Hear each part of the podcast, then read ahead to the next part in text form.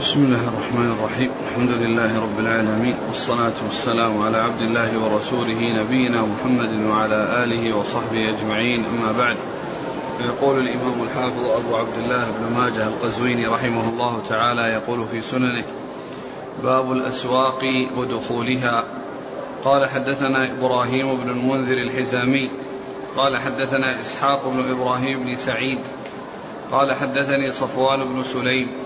قال حدثني محمد وعلي بن الحسن بن أبي الحسن البراد أن الزبير بن المنذر بن أبي أسيد الساعدي حدثهما أن أباه المنذر رضي الله عنه حدثه عن أبي أسيد رضي الله عنه أن أبا أسيد حدثه أن رسول الله صلى الله عليه وسلم ذهب إلى سوق النبيط فنظر إليه فقال ليس هذا لكم بسوق ثم ذهب إلى سوق فنظر إليه فقال ليس هذا لكم بسوق ثم رجع إلى هذا السوق فطاف فيه ثم قال هذا سوقكم فلا ينتقض فلا ينتقصن ولا يضربن عليه خراج. بسم الله الرحمن الرحيم. الحمد لله رب العالمين وصلى الله وسلم وبارك على عبده ورسوله نبينا محمد وعلى آله وأصحابه أجمعين. أما بعد فيقول الإمام ماجد رحمه الله باب في الأسواق ودخولها. الأسواق هي محل البيع والشراء والذهاب إليها للحاجة لا بأس به لكن مع التخلق بالأخلاق الكريمة والآداب الحسنة وذلك أن الأسواق هي أبغض البقاع إلى الله كما جاء ذلك عن رسول الله عليه الصلاة والسلام. أحب البقاع إلى الله مساجدها وأبغض البقاع إلى الله أسواقها. وذلك أن الأسواق يكون فيها اللغط وفيها الكذب ويكون فيها أمور لا تنبغي ولا تصلح. فدخولها للحاجة أمر لا بأس به. و ثم ذكر هذا الحديث الذي فيه أن النبي صلى الله عليه وسلم ذهب إلى السوق إلى سوق النبيط. و سوق ذهب إلى سوق النبيط فنظر إليه فقال ليس هذا لكم بسوق. فنظر إليه وقال ليس هذا لكم بسوق يعني أنه لا يصلح أن يكون سوقا لكم. وكلمة النبيط يعني قيل هي من الأنباط وهم الذين يأتون من الشام بالبضائع. ولعله قيل سوق النبيط لأنهم يجلبون فيه يعني الأشياء التي يأتون بها للبيع. يعني فأضيف إليهم والإضافة كما يقال لأدنى ملابسة. الإضافة تحصل لأدنى ملابسة. فلعل يعني إضافته إليهم بسبب أنهم معروف أنهم يجتمعون في هذا المكان والناس يقصدونهم أو يقصدون هذا المكان لأنهم يأتون إليه ويبيعون يعني سلعهم التي يأتون بها من الشام يبيعونها فيه. لعل هذا هو السبب الذي سمي سوق النبيط ثم ذهب إلى مكان آخر ونظر فيه وقال هذا ليس لكم بسوق. ثم رجع إلى إلى ثم رجع إلى هذا السوق. إلى هذا السوق يعني لعله آه الذي هو آه الذي فيه الأنباط. وقال هذا سوقكم هذا سوقكم فلا ينتقصن منه. يعني هذا سوقكم الذي يكون آه مشاع لكل من يريد أن يبيع.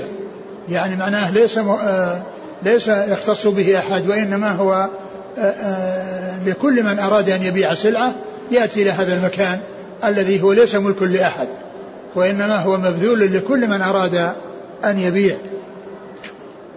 فلا ينتقصن منه يعني يؤخذ منه شيء ويقتطع منه ولا يضربن عليه خراج يعني معناه أنه ما أحد يبيع فيه إلا بأجرة أو بمبلغ يدفعه من أجل أن يبيع فيه. فإذا هذا المقصود منه أنه يكون مكان مخصص تجلب فيه البضائع ويأتي الناس الذين يبيعون سلعهم ويعني وليس مختصا بأحد. فيأتي من يريد أن يبيع السلعة إلى ذلك المكان. أو إلى ذلك البراح الذي يأتي الناس إليه ببضائعهم ويبيعونها ثم يذهبون فلا ينتقص منه بمعنى أنه يقتطع منه قطعة ويختص بها أحد دون أحد ولا يضرب عليه خراج أي أنه لا يؤخذ عليه إجرة لمن يبيع فيه ولمن يدخله للبيع لا يؤخذ عليه شيء مقابل كونه باع سلعته فيه. ولا شك أن هذا يعني شيء جيد كونه يكون فيه أماكن يعني عامة مخصصة للبيع ولمن أراد أن يجلب ويكون يعني آه، في ذلك و ولا يختص به أحد. هذا لا شك أنه جيد لكن الحديث الذي ورد في هذا ضعيف غير صحيح. نعم. قال حدثنا إبراهيم بن المنذر الحزامي. هو؟ صدوق البخاري والترمذي والنسائي وابن ماجه. نعم. عن إسحاق بن إبراهيم بن سعيد. وهو؟ لين الحديث رجله نعم. ابن ماجه. نعم. عن صفوان بن سليم. وهو ثقة أخرج له. أصحاب الكتب. و وصفوان بن سليم هذا ذكر في ترجمته مثل ما ذكرت قريبا عن هشام بن حسان. هشام بن حسان يعني قيل في ترجمته لو قيل لحسان بن لهشام بن حسان أن ملك الموت بالباب ما كان بإمكانه أن يزيد بعمل أن يأتي بعمل جديد لأنه دائما على استعداد الموت بالأعمال الصالحة. فلو قيل له أن ملك الموت بالباب جاء لقبض روحه ما كان عنده آه، زيادة على ما كان يفعله في آه، في آه، فيما مضى. يعني أن حياته معمورة بالعبادة ولا يأتي بشيء جديد لو أنه قيل له أن الموت أن ملك الموت الباب. هذا ذكر في ترجمته أنه قيل أنه لو قيل له أن القيامة غدا يعني قيل لصفوان بن سليم لو قيل لو قيل له أن القيامة تقوم غدا يعني معناها أن أن أن أن, أن, أن الموت أن القيامة غدا ما كان بإمكانه أن يزيد. يعني معناه لو كانت نهاية الدنيا يعني غدا ما كان بإمكانه أن يزيد شيئا. وهذا يدل على العبادة وعلى الاستعداد للموت بالأعمال الصالحة باستمرار. نعم. أخرج له. أصحاب الكتب. نعم. عن محمد وعلي ابن أبني الحسن بن أبي الحسن البراد. وهو قال فيهما قيل فيهما. محمد. مستور أخرج له ابن ماجه. نعم. وعلي مقبول اخرج له ابن ماجه. نعم. عن الزبير بن المنذر بن أبي أسيد. وهو؟ مستور اخرج له ابن ماجه. نعم. عن أبيه المنذر. صحابي أخرج له. البخاري وابن ماجه. نعم. عن أبي أسيد. أخرج له. أصحاب الكتب الستة. نعم. يقول ما العلة في رفض المكان الأول؟ لا أدري. قال حدثنا إبراهيم بن المستمر العروقي قال حدثنا أبي قال حدثنا عبيس بن ميمون قال حدثنا عون العقيلي عن أبي عثمان النهدي عن سلمان رضي الله عنه أنه قال سمعت رسول الله صلى الله عليه وسلم يقول من غدا إلى صلاة الصبح غدا براية الإيمان ومن غدا إلى السوق غدا براية إبليس. ثم ذكر هذا عن سلمان وهو يتعلق بفضل الذهاب إلى صلاة الفجر وعلى يعني آه، ذم الذهاب إلى السوق. وصلاة الفجر معلوم أنها لأنها هي العبادة وتكون في آخر الليل ويكون فيها آه، ترك النوم آه، الذي يتلذذ فيه الإنسان والبعد عن صفات المنافقين. وتجتمع فيها الملائكة الذين يتعاقبون بالليل والنهار ولها فضائل. يعني فمن ذهب إليها فقد ذهب إلى خير وقد ذهب براية الإيمان. ومن ذهب إلى السوق ذهب براية إبليس. راية إبليس. والحديث ضعيف غير صحيح. نعم. قال حدثنا إبراهيم بن المستمر العروقي. هو صدوق يغرب خرجه أبو داود والترمذي في الشمائل والنسائي وابن ماجه. وأبوه؟ مقبول خرجه ابن ماجه. نعم. عن عبيس بن ميمون. وهو؟ ضعيف خرجه ابن ماجه. نعم. عن عون العقيلي. وهو؟ مقبول أخرجه ابن ماجه. نعم. عن أبي عثمان النهدي. وهو عبد الرحمن بن مول ثقة أخرج أصحاب الكتب. عن سلمان. رضي الله عنه أخرج أصحاب الكتب. قال حدثنا بشر بن معاذ الضرير قال حدثنا حماد بن زيد عن عمرو بن دينار مولى آل الزبير عن سالم بن عبد الله بن عمر عن أبيه رضي الله عنه عن جده رضي الله عنه أنه قال قال رسول الله صلى الله عليه وعلى آله وسلم من قال حين يدخل السوق لا إله إلا الله وحده لا شريك له له الملك وله الحمد يحيي ويميت وهو حي لا يموت. بيده الخير كله وهو على كل شيء قدير. كتب الله له ألف ألف حسنة ومحى عنه ألف ألف سيئة وبنى له بيتا في الجنة. ثم ذكر هذا الحديث في دخول السوق والدعاء بهذا الدعاء وأن فيه هذا الفضل. وذلك أن السوق آه، محل الاشتغال بغير ذكر الله عز وجل فكون الإنسان يذكر الله عز وجل ويأتي بهذا الدعاء ويسمعه غيره فيذكر الله عز وجل يكون فيه آه، تنبيه للغافلين يعني آه، المشتغلين بالدنيا والغافلين عن ذكر الله فيكون في ذلك فائدة له وفائدة لغيره فائدة له لكونه آه، ذكر الله عز وجل ولغيره لكونه نبههم من غفلتهم وجعلهم يعني يذكرون الله عز وجل و ويشتغلون بذكره. أرد المصنف يعني هذا الحديث في يعني هذا الفضل العظيم والحديث فيه من تكلم فيهم وقد حسنه بعض العلماء وضعفه بعضهم. نعم. قال حدثنا بشر بن معاذ الضرير. هو هو صدوق. نعم. أخرجه الترمذي والنسائي بن ماجه. نعم. عن حماد بن زيد. هو ثقة أخرج أصحاب الكتب. عن عمرو بن دينار. وهو ضعيف ضعيف. الترمذي نعم. وابن ماجه. نعم. عن سالم بن عبد الله بن عمر. ثقة أخرج أصحاب الكتب. عن أبيه أبي عبد الله بن عمر رضي الله عنهما أحد العباد الأربعة وأحد السبع المكثرين من حديث الرسول صلى الله عليه وسلم. عن عمر رضي الله عنه وهو أمير المؤمنين وثاني الخلفاء الراشدين الهادي المهديين صاحب المناقب الجمة والفضائل الكثيرة وحديثه عند أصحاب الكتب الستة. هذا حديث في المسند يقول حدثنا عبد الله قال حدثني أبي قال حدثنا أبو عامر قال حدثنا عبد الله بن جعفر عن عثمان بن محمد عن المقبري عن أبي هريرة رضي الله عنه عن النبي صلى الله عليه وسلم أنه قال ما من خارج يخرج يعني من بيته إلا بيده رايتان راية بيد ملك وراية بيد شيطان فإن خرج لما يحب الله عز وجل اتبعه الملك برايته فلم يزل تحت راية الملك حتى يرجع إلى بيته وإن خرج لما يسخط الله اتبعه الشيطان برايته فلم يزل تحت راية الشيطان حتى يرجع إلى بيته. علق عليه شعيب الأرناؤوط قال إسناده حسن. قل ألا يكون شاهد؟ آه، هذا كما هو معلوم يختلف عن ذاك لأن هذا تخصيص للفجر وهذا تخصيص للسوق ذاك. وأما هذا فيه ما يرضي الله وما يسخط الله. ولا شك أن أن ما يسخط الله ما يرضي الله. لا شك أن أن فيه خير.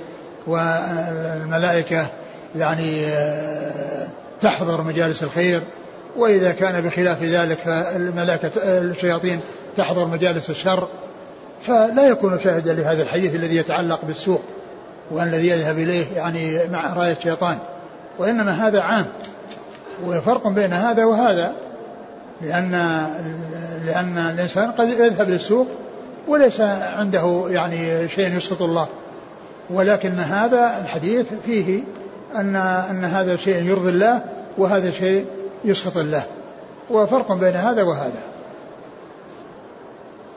قال رحمه الله تعالى باب ما يرجى من البركة في البكور. قال حدثنا أبو بكر بن أبي شيبة قال حدثنا هشيم عن يعلى بن عطاء عن عمارة بن حديد عن صخر الغامدي رضي الله عنه أنه قال قال رسول الله صلى الله عليه وسلم اللهم بارك لأمتي في بكورها. قال وكان إذا بعث سرية أو جيشا بعثهم في أول النهار. قال وكان صخر رجلا تاجرا فكان يبعث تجارته في أول النهار فأثرى وكثر ماله. ثم ذكر باب ما يرجى من البركة. في البكور. في البكور. ما يرجى من البركة في البكور. يعني البكور آه، التبكير يعني بالتجاره والذهاب للكسب وللبيع والشراء أو للعمل. كل إنسان يعمل. يعني كون الإنسان يبدأ النهار من أوله بنشاط. يعني غير كونه يبدأ بخمول وكسل ونوم. فإن البكور آه، فيه هذه الفوائد. وهي حصول البركة لأن فيها الجد آه، والاجتهاد وبذل ما يستطيعه من أول النهار لتحصيل الرزق. وقد ذكر الله عز وجل ذكر الرسول صلى الله عليه وسلم عن الطيور أنها يكون هذا شأنها أنها قال عليه الصلاة والسلام لو لو أنكم توكلون على الله حق التوكل لرزقكم كما يرزق الطير تغدو خماصا تغدو يعني أول النهار. خماصا يعني خاويه البطون لأن الطعام الذي في جوفها انتهى بمرور هذا الليل الطويل. فتكون خاويه فتذهب تبحث عن شيء تأكله ثم ترجع وقد ملأت بطونها. وقد ملأت بطونها. فلا شك أن كون الإنسان آه، يبادر يعني إلى أعماله لا شك أن هذا شيء جيد. وفيه آه، دفع للكسل والخمول. والإخلاد إلى الراحة وإلى النوم ففيه فوائد وفيه آه، مصالح. ثم أورد فيه هذا الحديث أن النبي صلى الله عليه وسلم قال قال اللهم بارك لأمتي في بكورها يعني في كونها تبدأ أعمالها مبكرة وفي وقت مبكر وكان إذا أرسل جيشا إذا بعث سرية أو جيشا بعثهم في أول النهار. نعم إذا بعث سرية أو جيشا بعثه في أول النهار. بعثه في أول النهار يعني في وقت مبكر. وكان آه صخر رجلا تاجرا. وكان رجلا تاجرا وكان يبعث ب تجارتي في أول النهار فأثرى وكثر ماله. يبعث في تجارته في أول النهار. يعني أن الاشتغال يعني يكون من أول النهار فأثرى وكثر ماله. يعني وهذا نتيجة للبركة يعني بسبب البكور. والحديث في إسناده ضعف وكذلك الأحاديث الأخرى لكن يعني يقوي يقوي بعضها بعضا في آه، بيان فضل البكور. نعم. قال حدثنا أبو بكر بن أبي شيبة. ثقة أخرج أصحاب الكتب إلا الترمذي. عن هشيم. ابن بشير الواسطي ثقة أخرج أصحاب الكتب. عن يعلى بن عطاء. وهو؟ ثقة أخرج البخاري في القراءة ومسلم وأصحاب السنن. نعم. عن عمارة بن حديد. وهو مجهول أخرج له أصحاب السنن. نعم. عن صخر الغامدي. رضي الله عنه أخرج له. أصحاب السنن. نعم. يقول صحيح القسم المرفوع فقط والباقي نعم. ضعيف. يعني الآن بسبب هذا الذي فيه اللي هو المجهول هذا لأنه جاء من طريق هذا المجهول وأما المتن جاء في الحديث اللي بعده. قال حدثنا أبو مروان محمد بن عثمان العثماني قال حدثنا محمد بن ميمون المدني عن عبد الرحمن بن أبي الزناد عن أبيه عن الأعرج عن أبي هريرة رضي الله عنه أنه قال قال رسول الله صلى الله عليه وسلم اللهم بارك لأمتي في بكورها يوم الخميس. ثم ذكر يعني هذا الحديث وفيه ذكر يوم الخميس. يعني إن الدعاء إن الرسول صلى الله عليه وسلم دعا لبركة البركة لأمتي في بكورها يوم الخميس. يعني في في كونها يعني تسعى أو تذهب يعني يوم الخميس يعني للعمل أو لسفر أو غير ذلك. وكان عليه الصلاة والسلام يعني يحب أو كان يحصل منه السفر يوم الخميس. كان يسافر عليه الصلاة والسلام يوم الخميس. فالحديث من ناحية دعاء البكور هو متقدم فيما في الذي قبله ولكن هذا تخصيصا لذكر الخميس. والحديث يعني فيه كلام ولكنه يسير. نعم. قال حدثنا أبو محمد أبو مروان محمد بن عثمان العثماني. هو صدوق يخطئ رجله النسائي في الخصائص. نعم. وابن ماجه. نعم. عن محمد بن ميمون المدني. وهو؟ يقول الحافظ يحتمل أن يكون الزعفراني صدوق له أوهام رجله ابن ماجه. وإلا فمستور؟ وإلا فمستور؟ نعم يحتمل يكون كذا وإلا فإنه غير معروف يعني. إضافات أبو الأشبال. هذا؟ إضافات أبو الأشبال بين قوسين. إيه طيب. عن عبد الرحمن بن أبي الزناد.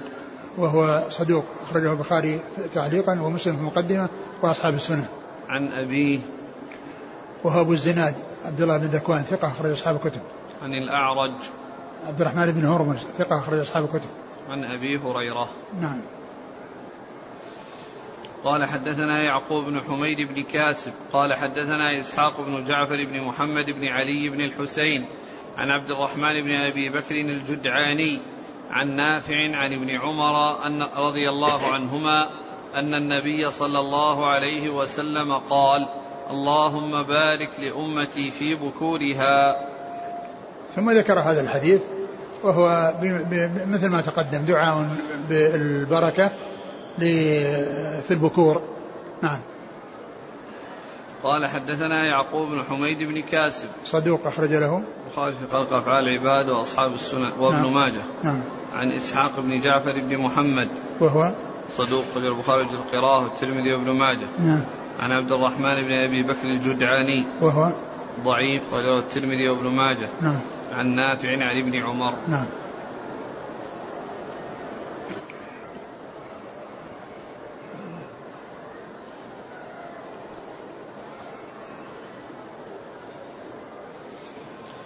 قال رحمه الله تعالى باب بيع المصراه. قال حدثنا أبو بكر بن أبي شيبة وعلي بن محمد. قال حدثنا أبو أسامة عن هشام بن حسان عن محمد بن سيرين عن أبي هريرة رضي الله عنه عن النبي صلى الله عليه وعلى آله وسلم أنه قال من ابتاع مصراه فهو بالخيار ثلاثة أيام فإن ردها رد معها صاعا من تمر. لا سمراء يعني الحنطة. ثم ذكر باب في المصرات والمصرات هي الدابة من الإبل والبقر والغنم التي تترك من الحلب مدة فيكبر ضرعها ويكون ضخما ظم يجلبها أو يبيعها صاحبها. فالمشتري إذا رأى ضرعها كبيرا يعني ظن أن هذا شأنها وأنها لبنها كثير ولكن هذا الكبر إنما جاء بالغش والحبس مدة طويلة يعني كبر بسببها الضرع. آه، ولا شك أن هذا لا يجوز وهو عمل يعني فيه غش وفيه تغرير وخداع للمشتري. والنبي صلى الله عليه وسلم بين أن من اشترى دابة مصرة فله فهو يعني في مدة ثلاثة أيام يعني آه، يحلبها فإن يعني رأى أعجبته أبقاها وإلا فإنه يردها ومعها صاع من تمر. يعني صاع من تمر عن هذا الحليب الذي آه، أخذه يعني منها. وإنما جاء ذكر التمر وهو جنس آخر غير الجنس الذي آه الذي حصل ال ال أخذه وهو الحليب لأن لأن لأن منه شيء يخرج شيء موجود من قبل وشيء يخرج وهي في ضمان المشتري يعني في هذه المدة التي هي مدة ثلاثة أيام لأن لو هلكت هلكت على حسابه. فإذا معناه أنها فيه شيء قديم الذي هو من البائع وشيء جديد الذي حصل يعني من المشتري ولا يمكن تمييزه فجعل فيه العوض عندما يردها من شيء آخر أو من نوع آخر الذي هو التمر. أورد في هذا الحديث عن عن أبي هريرة. نعم. عن أبي هريرة رضي الله عنه قال من؟ من ابتاع مصراه فهو ابتاع مصراه يعني اشترى مصراة نعم. فهو بالخيار ثلاثة أيام. فإن ردها يعني يحلبها يحلبها ويستفيد منها ثلاثة أيام وهي في ضمانه مدة هذه الثلاثة أيام لو هلكت هلكت على حسابه. فبعد ذلك إن وجد أن أن أنها ذات لبن وأنه لا محذور ولا إشكال في كونه وجد آه، ضرعها كبيرا فإنه يبقيها وانتهى وتستمر.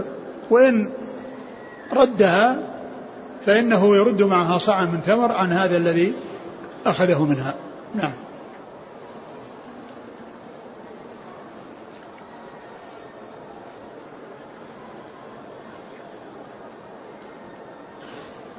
قال حدثنا أبو بكر بن أبي شيبة وعلي بن محمد عن أبي أسامة أبو علي محمد الطنافسي ثقة أخرج حديثه النسائي في مسند علي وابن ماجه وأبو أسامة حماد بن أسامة ثقة أخرج أصحاب الكتب.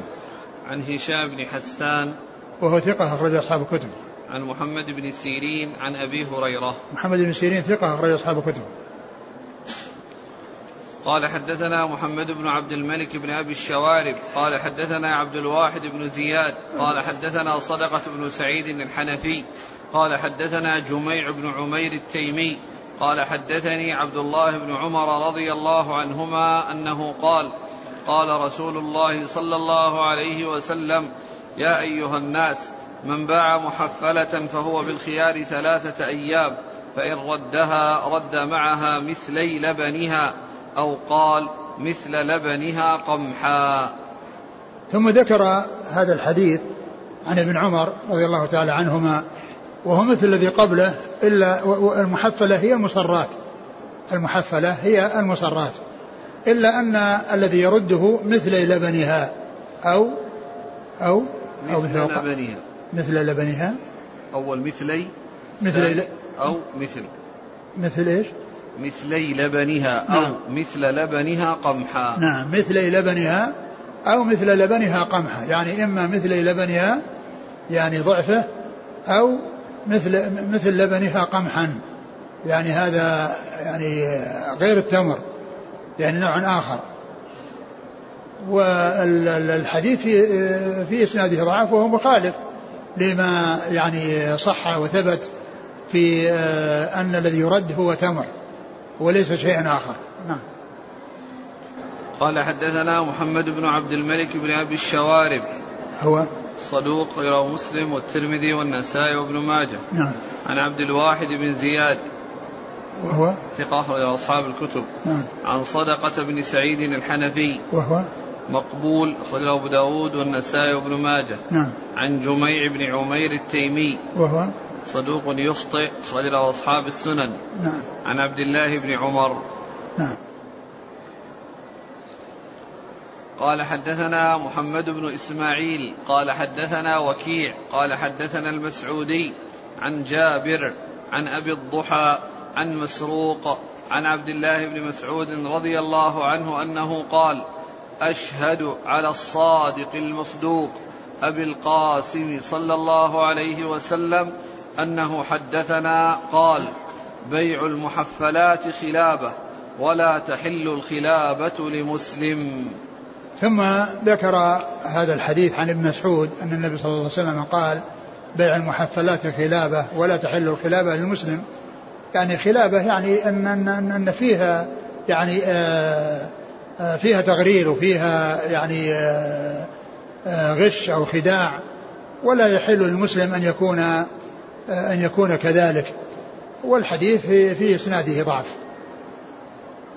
والذي صح وثبت هو الذي في الصحيحين وفي غيرهما أن آه، من حديث عبد الله من حديث أبي هريرة آه، أنه يردها ومعها صاع من تمر. وبعض آه، الفقهاء يعني الذين قالوا بخلاف الحديث قدح في الحديث بسبب أبي هريرة أو لمز فيه بسبب أبي هريرة. فقال إنه ليس في الفقه مثل ابن مسعود. يعني معناه أنه ليس بفقيه. فصار هذا يعني يعني توهينا للحديث بسبب أبي هريرة. الحافظ بن حجر ذكر هذا في فتح الباري عندما تكلم عند هذا الحديث وقال بعدما ذكر هذا الكلام قال وقائل هذا الكلام قد آذى نفسه. قائل هذا الكلام قد آذى نفسه. لأن تكلم في صحابي.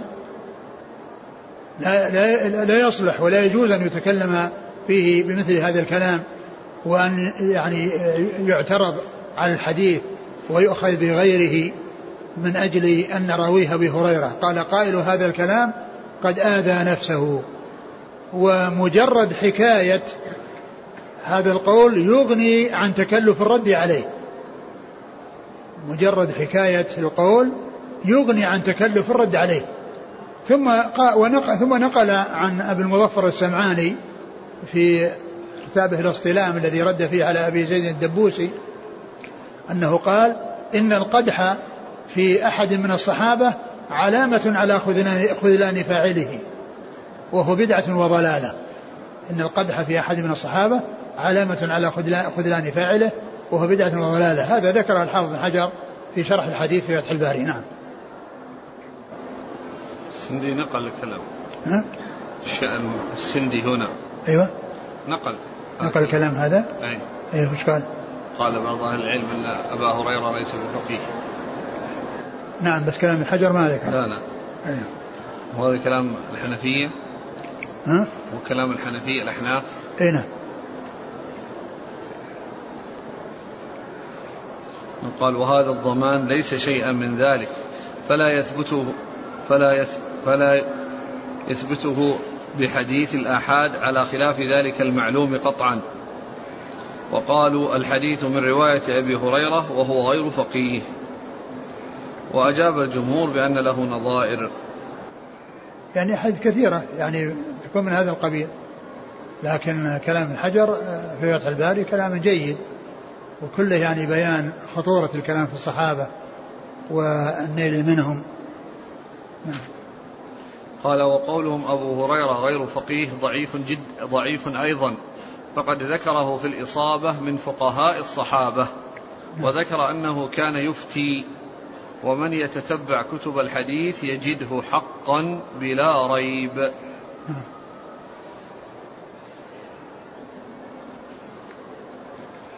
بيع المحفلات خلابة ولا تحل الخلابة لمسلم.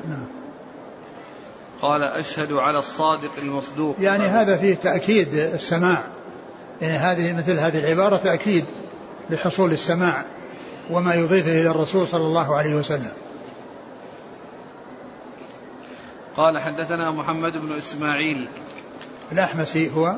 ثقة أخرجه الترمذي والنسائي بن ماجه. نعم. عن وكيع. ثقة أخرج أصحاب الكتب.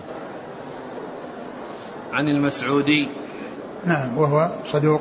اختلط أخرجه البخاري تعليقا وأصحاب السنن. نعم. عن جابر. جابر هو الجعفي وهو ضعيف أخرجه نعم. أبو داود والترمذي وابن ماجه. نعم. عن أبي الضحى. وهو مسلم بن صبيح. نعم. وهو ثقة أخرج أصحاب الكتب. عن مسروق. مسروق بن الأجدع ثقة أخرج أصحاب الكتب. عن عبد الله بن مسعود. رضي الله تعالى عنه أخرج أصحاب الكتب. الحافظ بن حجر في بلوغ المرام. يقول عن أبي هريرة رضي الله عنه عن النبي صلى الله عليه وسلم قال لا تصر الإبل والغنم فمن ابتاعها بعد فإنه بخير النظرين بعد أن يحلبها إن شاء أمسكها وإن شاء ردها وصاعا من تمر. متفق عليه. ولمسلم فهو بالخيار ثلاثة أيام. وفي رواية له علقها البخاري ورد معها صاعا من طعام لا سمراء قال البخاري والتمر أكثر. نعم. قال يقول قال شيخنا الباني في مختصر البخاري معلقا على عبارة البخاري يعني أن الروايات الناصة على التمر أكثر عددا من الروايات التي لم تنص عليه أو أبدلته بذكر الطعام. قلت فهو أرجح رواية ودراية. أما الرواية فلما ذكره المؤلف وأما الدراية فلأن رواية الطعام تبينها روايات التمر كما هو ظاهر. يعني أن الطعام لفظ مجمل وأنه بين بالتمر. الأسئلة جاءت لو يقول في نحن في بلد ربما لا يوجد فيه التمر متوفر فماذا نرد بدل الحليب؟ قوت البلد. يعني من قوت البلد. لأن المدينة أكثر طعامها التمر. والرسول صلى الله عليه وسلم كان في صحيح مسلم يقول بيت لا تمر فيه جياع أهله. بيت لا تمر فيه جياع أهله. والمقصود أنها يعني من قوت البلد. يقول في بلدنا يجتمعون في السوق يوما واحدا في الأسبوع فالمشتري لا يقابل البائع إلا بعد أسبوع. فهل له رد المصراه بعد أسبوع؟ إيش؟ يقول في بلدنا لا يحصل السوق إلا في يوم واحد من الأسبوع فلا يلتقي المشتري بالبائع إلا بعد أسبوع. إذا كان حصله يعني قبل الأسبوع في مدة ثلاث يردها إليه وإذا كان ما حصل يعني يردها عليه إذا حصل. قال رحمه الله تعالى باب الخراج بالضمان. قال حدثنا أبو بكر بن أبي شيبة وعلي بن محمد قال حدثنا وكيع عن ابن أبي ذئب عن مخلد بن خفاف بن إيماء بن رحضة الغفاري عن عروة بن الزبير عن عائشة رضي الله عنها أن رسول الله صلى الله عليه وسلم قضى أن خراج العبد بضمانه. ثم قال باب الخراج في الضمان. المقصود بالخراج بالضمان أي الغرم بالغنم. الغرم يعني ب ب ب أو الغنم بالغرم. يعني من كان ضامنا وهو الذي يحصل عليه الغرم يعني هو الذي يكون يعني آه، آآ يعني عليه له الغنيمة. يعني الخراج بالضمان يعني معناه أن الغنم الغنم بالغرم. يعني من كان يعني يضيع الشيء على حسابه إذا ضاع أو يهلك الشيء إذا حسابه إذا هلك هو الذي في حال آه، وجوده عنده يعني إذا حصل من فائدة فإنها تكون له فإنها تكون له. ثم ذكر هذا الحديث في, في, في فيما يتعلق بالعبد الذي يشترى ثم يرد. إيش قال؟ قضى أن خراج العبد بضمانه. آه، والحديث اللي بعده؟ الخر... قال حدثنا هشام بن عمار قال حدثنا مسلم بن خالد الزنجي قال حدثنا هشام بن عروة عن أبيه عن عائشة رضي الله عنها أن رجلا اشترى عبدا فاستغله ثم وجد به عيبا فرده فقال يا رسول الله إنه قد استغل غلامي. فقال رسول الله صلى الله عليه وسلم الخراج بالضمان. ثم ذكر هذين الحديثين فيما يتعلق بالعبد إذا اشتراه الإنسان ثم إنه رده بعيب. فإن الذي حصل يعني من الخراج أو من الغنم أو من الغنيمة في حال كونه في يده فإنها تكون للمشتري الذي آه، رد. وذلك بسبب أن أن أن المشتري لو هلك العبد فإنه يهلك على حسابه. فإذا الغنيمة اللي تحصل تكون له كما أن عليه الغرم عليه له الغنم. كما أن على المشتري عليه الغرم لو هلك فإن له الغنم إذا حصل منه عمل أو حصل منه كسب. فإنه يكون لأنه كان في ضمانه فإذا له غنمه. كما أن عليه الغرم له الغنم. هذا هو معنى قال إن, إن, إن أنه في في ضمانه. أن رجلا أن في ضمانه. أن خراج العبد بضمانه. أن خراج العبد بضمانه يعني أن الخراج الذي يحصل من العبد وهو المكسب الذي يحصله بعمله وهو عند المشتري قبل أن يرده بسبب العيب آه، يكون للمشتري لأن الضمان عليه أي على المشتري لأنه لو هلك في هذه الفترة يهلك على حساب المشتري. فإذا الغنم له كما أن الغرم عليه. الغنم له كما أن الغرم عليه. ثم أيضا يعني آه هو الذي ينفق عليه. هو الذي ينفق عليه. أيضا مع كونه لو هلك هلك على حسابه هو ينفق عليه. فإذا هناك إنفاق وبذل يعني له وهناك غنم حصل منه فإنه يكون للمشتري. وهذا معنى الخراج بالضمان يعني أن من كان غارما ومن يكون هلاك المبيع على حسابه لأنه في عهدته وفي قبضته فإن المصلحة التي تحصل فإنها تكون له. ومثل لو أن الإنسان اشترى دابة يعني ثم سخطها وردها يعني فإن فإنه إذا حصل منها شيء يعني آه، حليب أو ما إلى ذلك فإنه يكون له في مقابل كونه يعلفها. وأيضا لو هلكت هلكت على حسابه. فإذا الخراج بالضمان. نعم. قال حدثنا أبو بكر بن أبي شيبة وعلي بن محمد عن وكيع عن ابن أبي ذئب. ابن أبي ذئب محمد بن عبد الرحمن ثقة أخرج أصحاب الكتب. عن مخ... عن مخلد بن خفاف.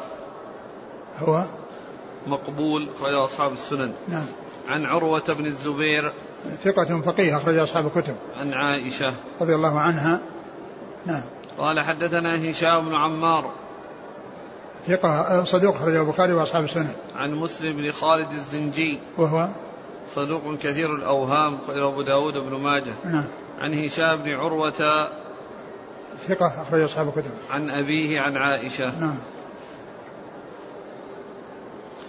قال رحمه الله تعالى باب عهدة الرقيق. قال حدثنا محمد بن عبد الله بن نمير. قال حدثنا عبدة بن سليمان عن سعيد عن قتادة عن الحسن إن شاء الله. عن سمرة بن جندب رضي الله عنه أنه قال قال رسول الله صلى الله عليه وسلم عهدة الرقيق ثلاثة أيام. اللي بعده قال حدثنا عمرو بن رافع قال حدثنا هشيم عن يونس بن عبيد عن الحسن عن عقبة بن عامر رضي الله عنه أن رسول الله صلى الله عليه وسلم قال لا عهدة بعد أربع. ثم ذكر يعني هذا الحديث باب عهدة الرقيق والمقصود بعهدة الرقيق أنه إذا اشتراه ثم وجد به عيبا فإنه يرده في خلال يعني مدة معينة وإذا لم يرده بعدها فإذا لم يرده فيها فإنه لا يعني آه، يرد بعد ذلك.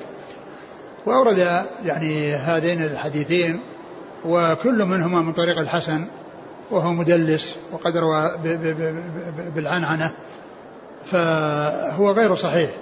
والعيب إذا وجد فإنه يرد ولو كان بعد أربع يعني إذا لم يتنبه له إلا بعد ثلاث أو بعد أربع فإن له ذلك لأن التحديد بهذا الحديث آه، غير ثابت. لأن الحديث غير ثابت فالتحديد غير ثابت. فيكون الأمر في ذلك آه، أنه لا تحديد. نعم.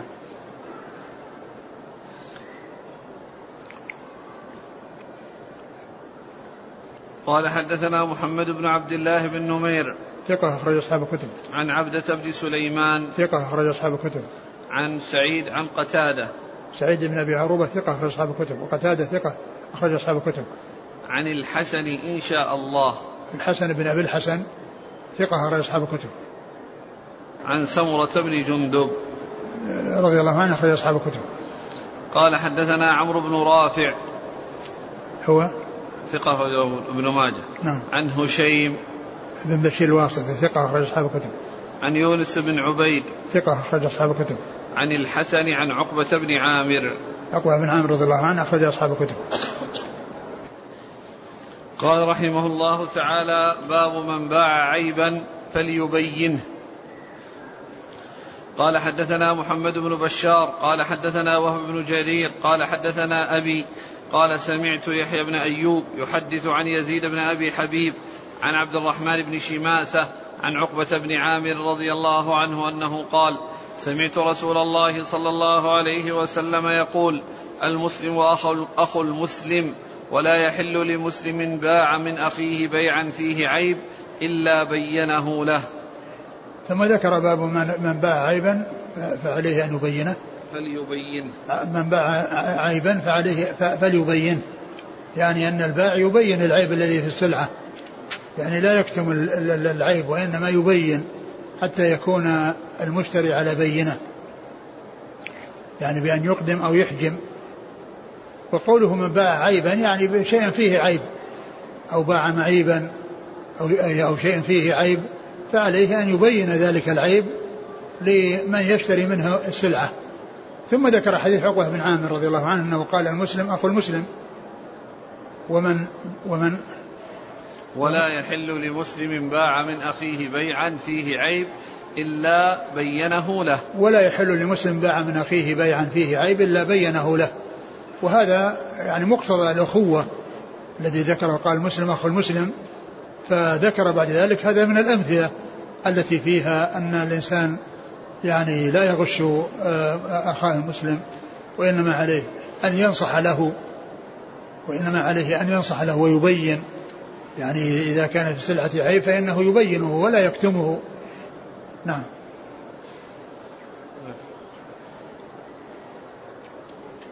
قال حدثنا محمد بن بشار. ثقة أخرج أصحاب الكتب. عن وهب بن جرير.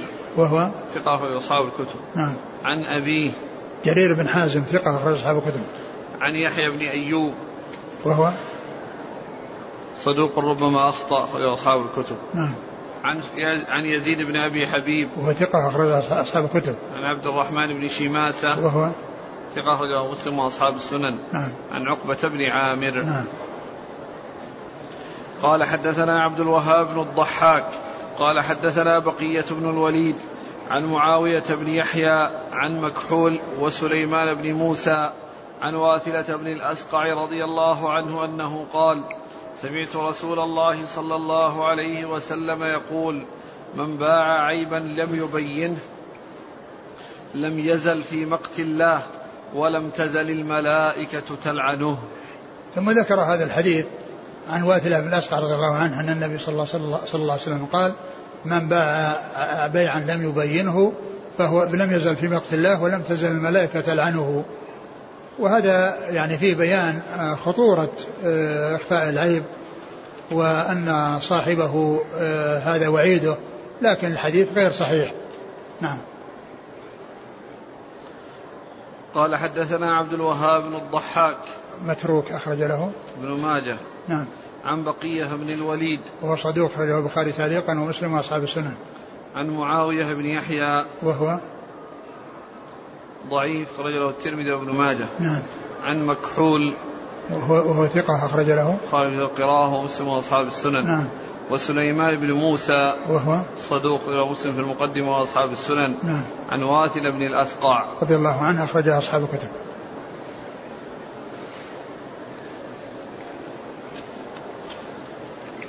يقول كيف يكون أن يبين البائع عيبا دون عيب؟ العيوب كلها يبينها. إذا كان عنده فيها عيوب يذكر العيوب كلها. إذا كان فيها عيوبا يذكرها كلها. وإن كان عيبا واحدا ذكره. قال رحمه الله تعالى باب النهي عن التفريق بين السبي. والله تعالى أعلم وصلى الله وسلم وبارك على عبده ورسوله نبينا محمد وعلى آله وأصحابه أجمعين. جزاكم الله خيرا وبارك الله فيكم. ألهمكم الله الصواب ووفقكم للحق. ونفعنا الله ما سمعنا. غفر الله لنا ولكم وللمسلمين أجمعين. آمين.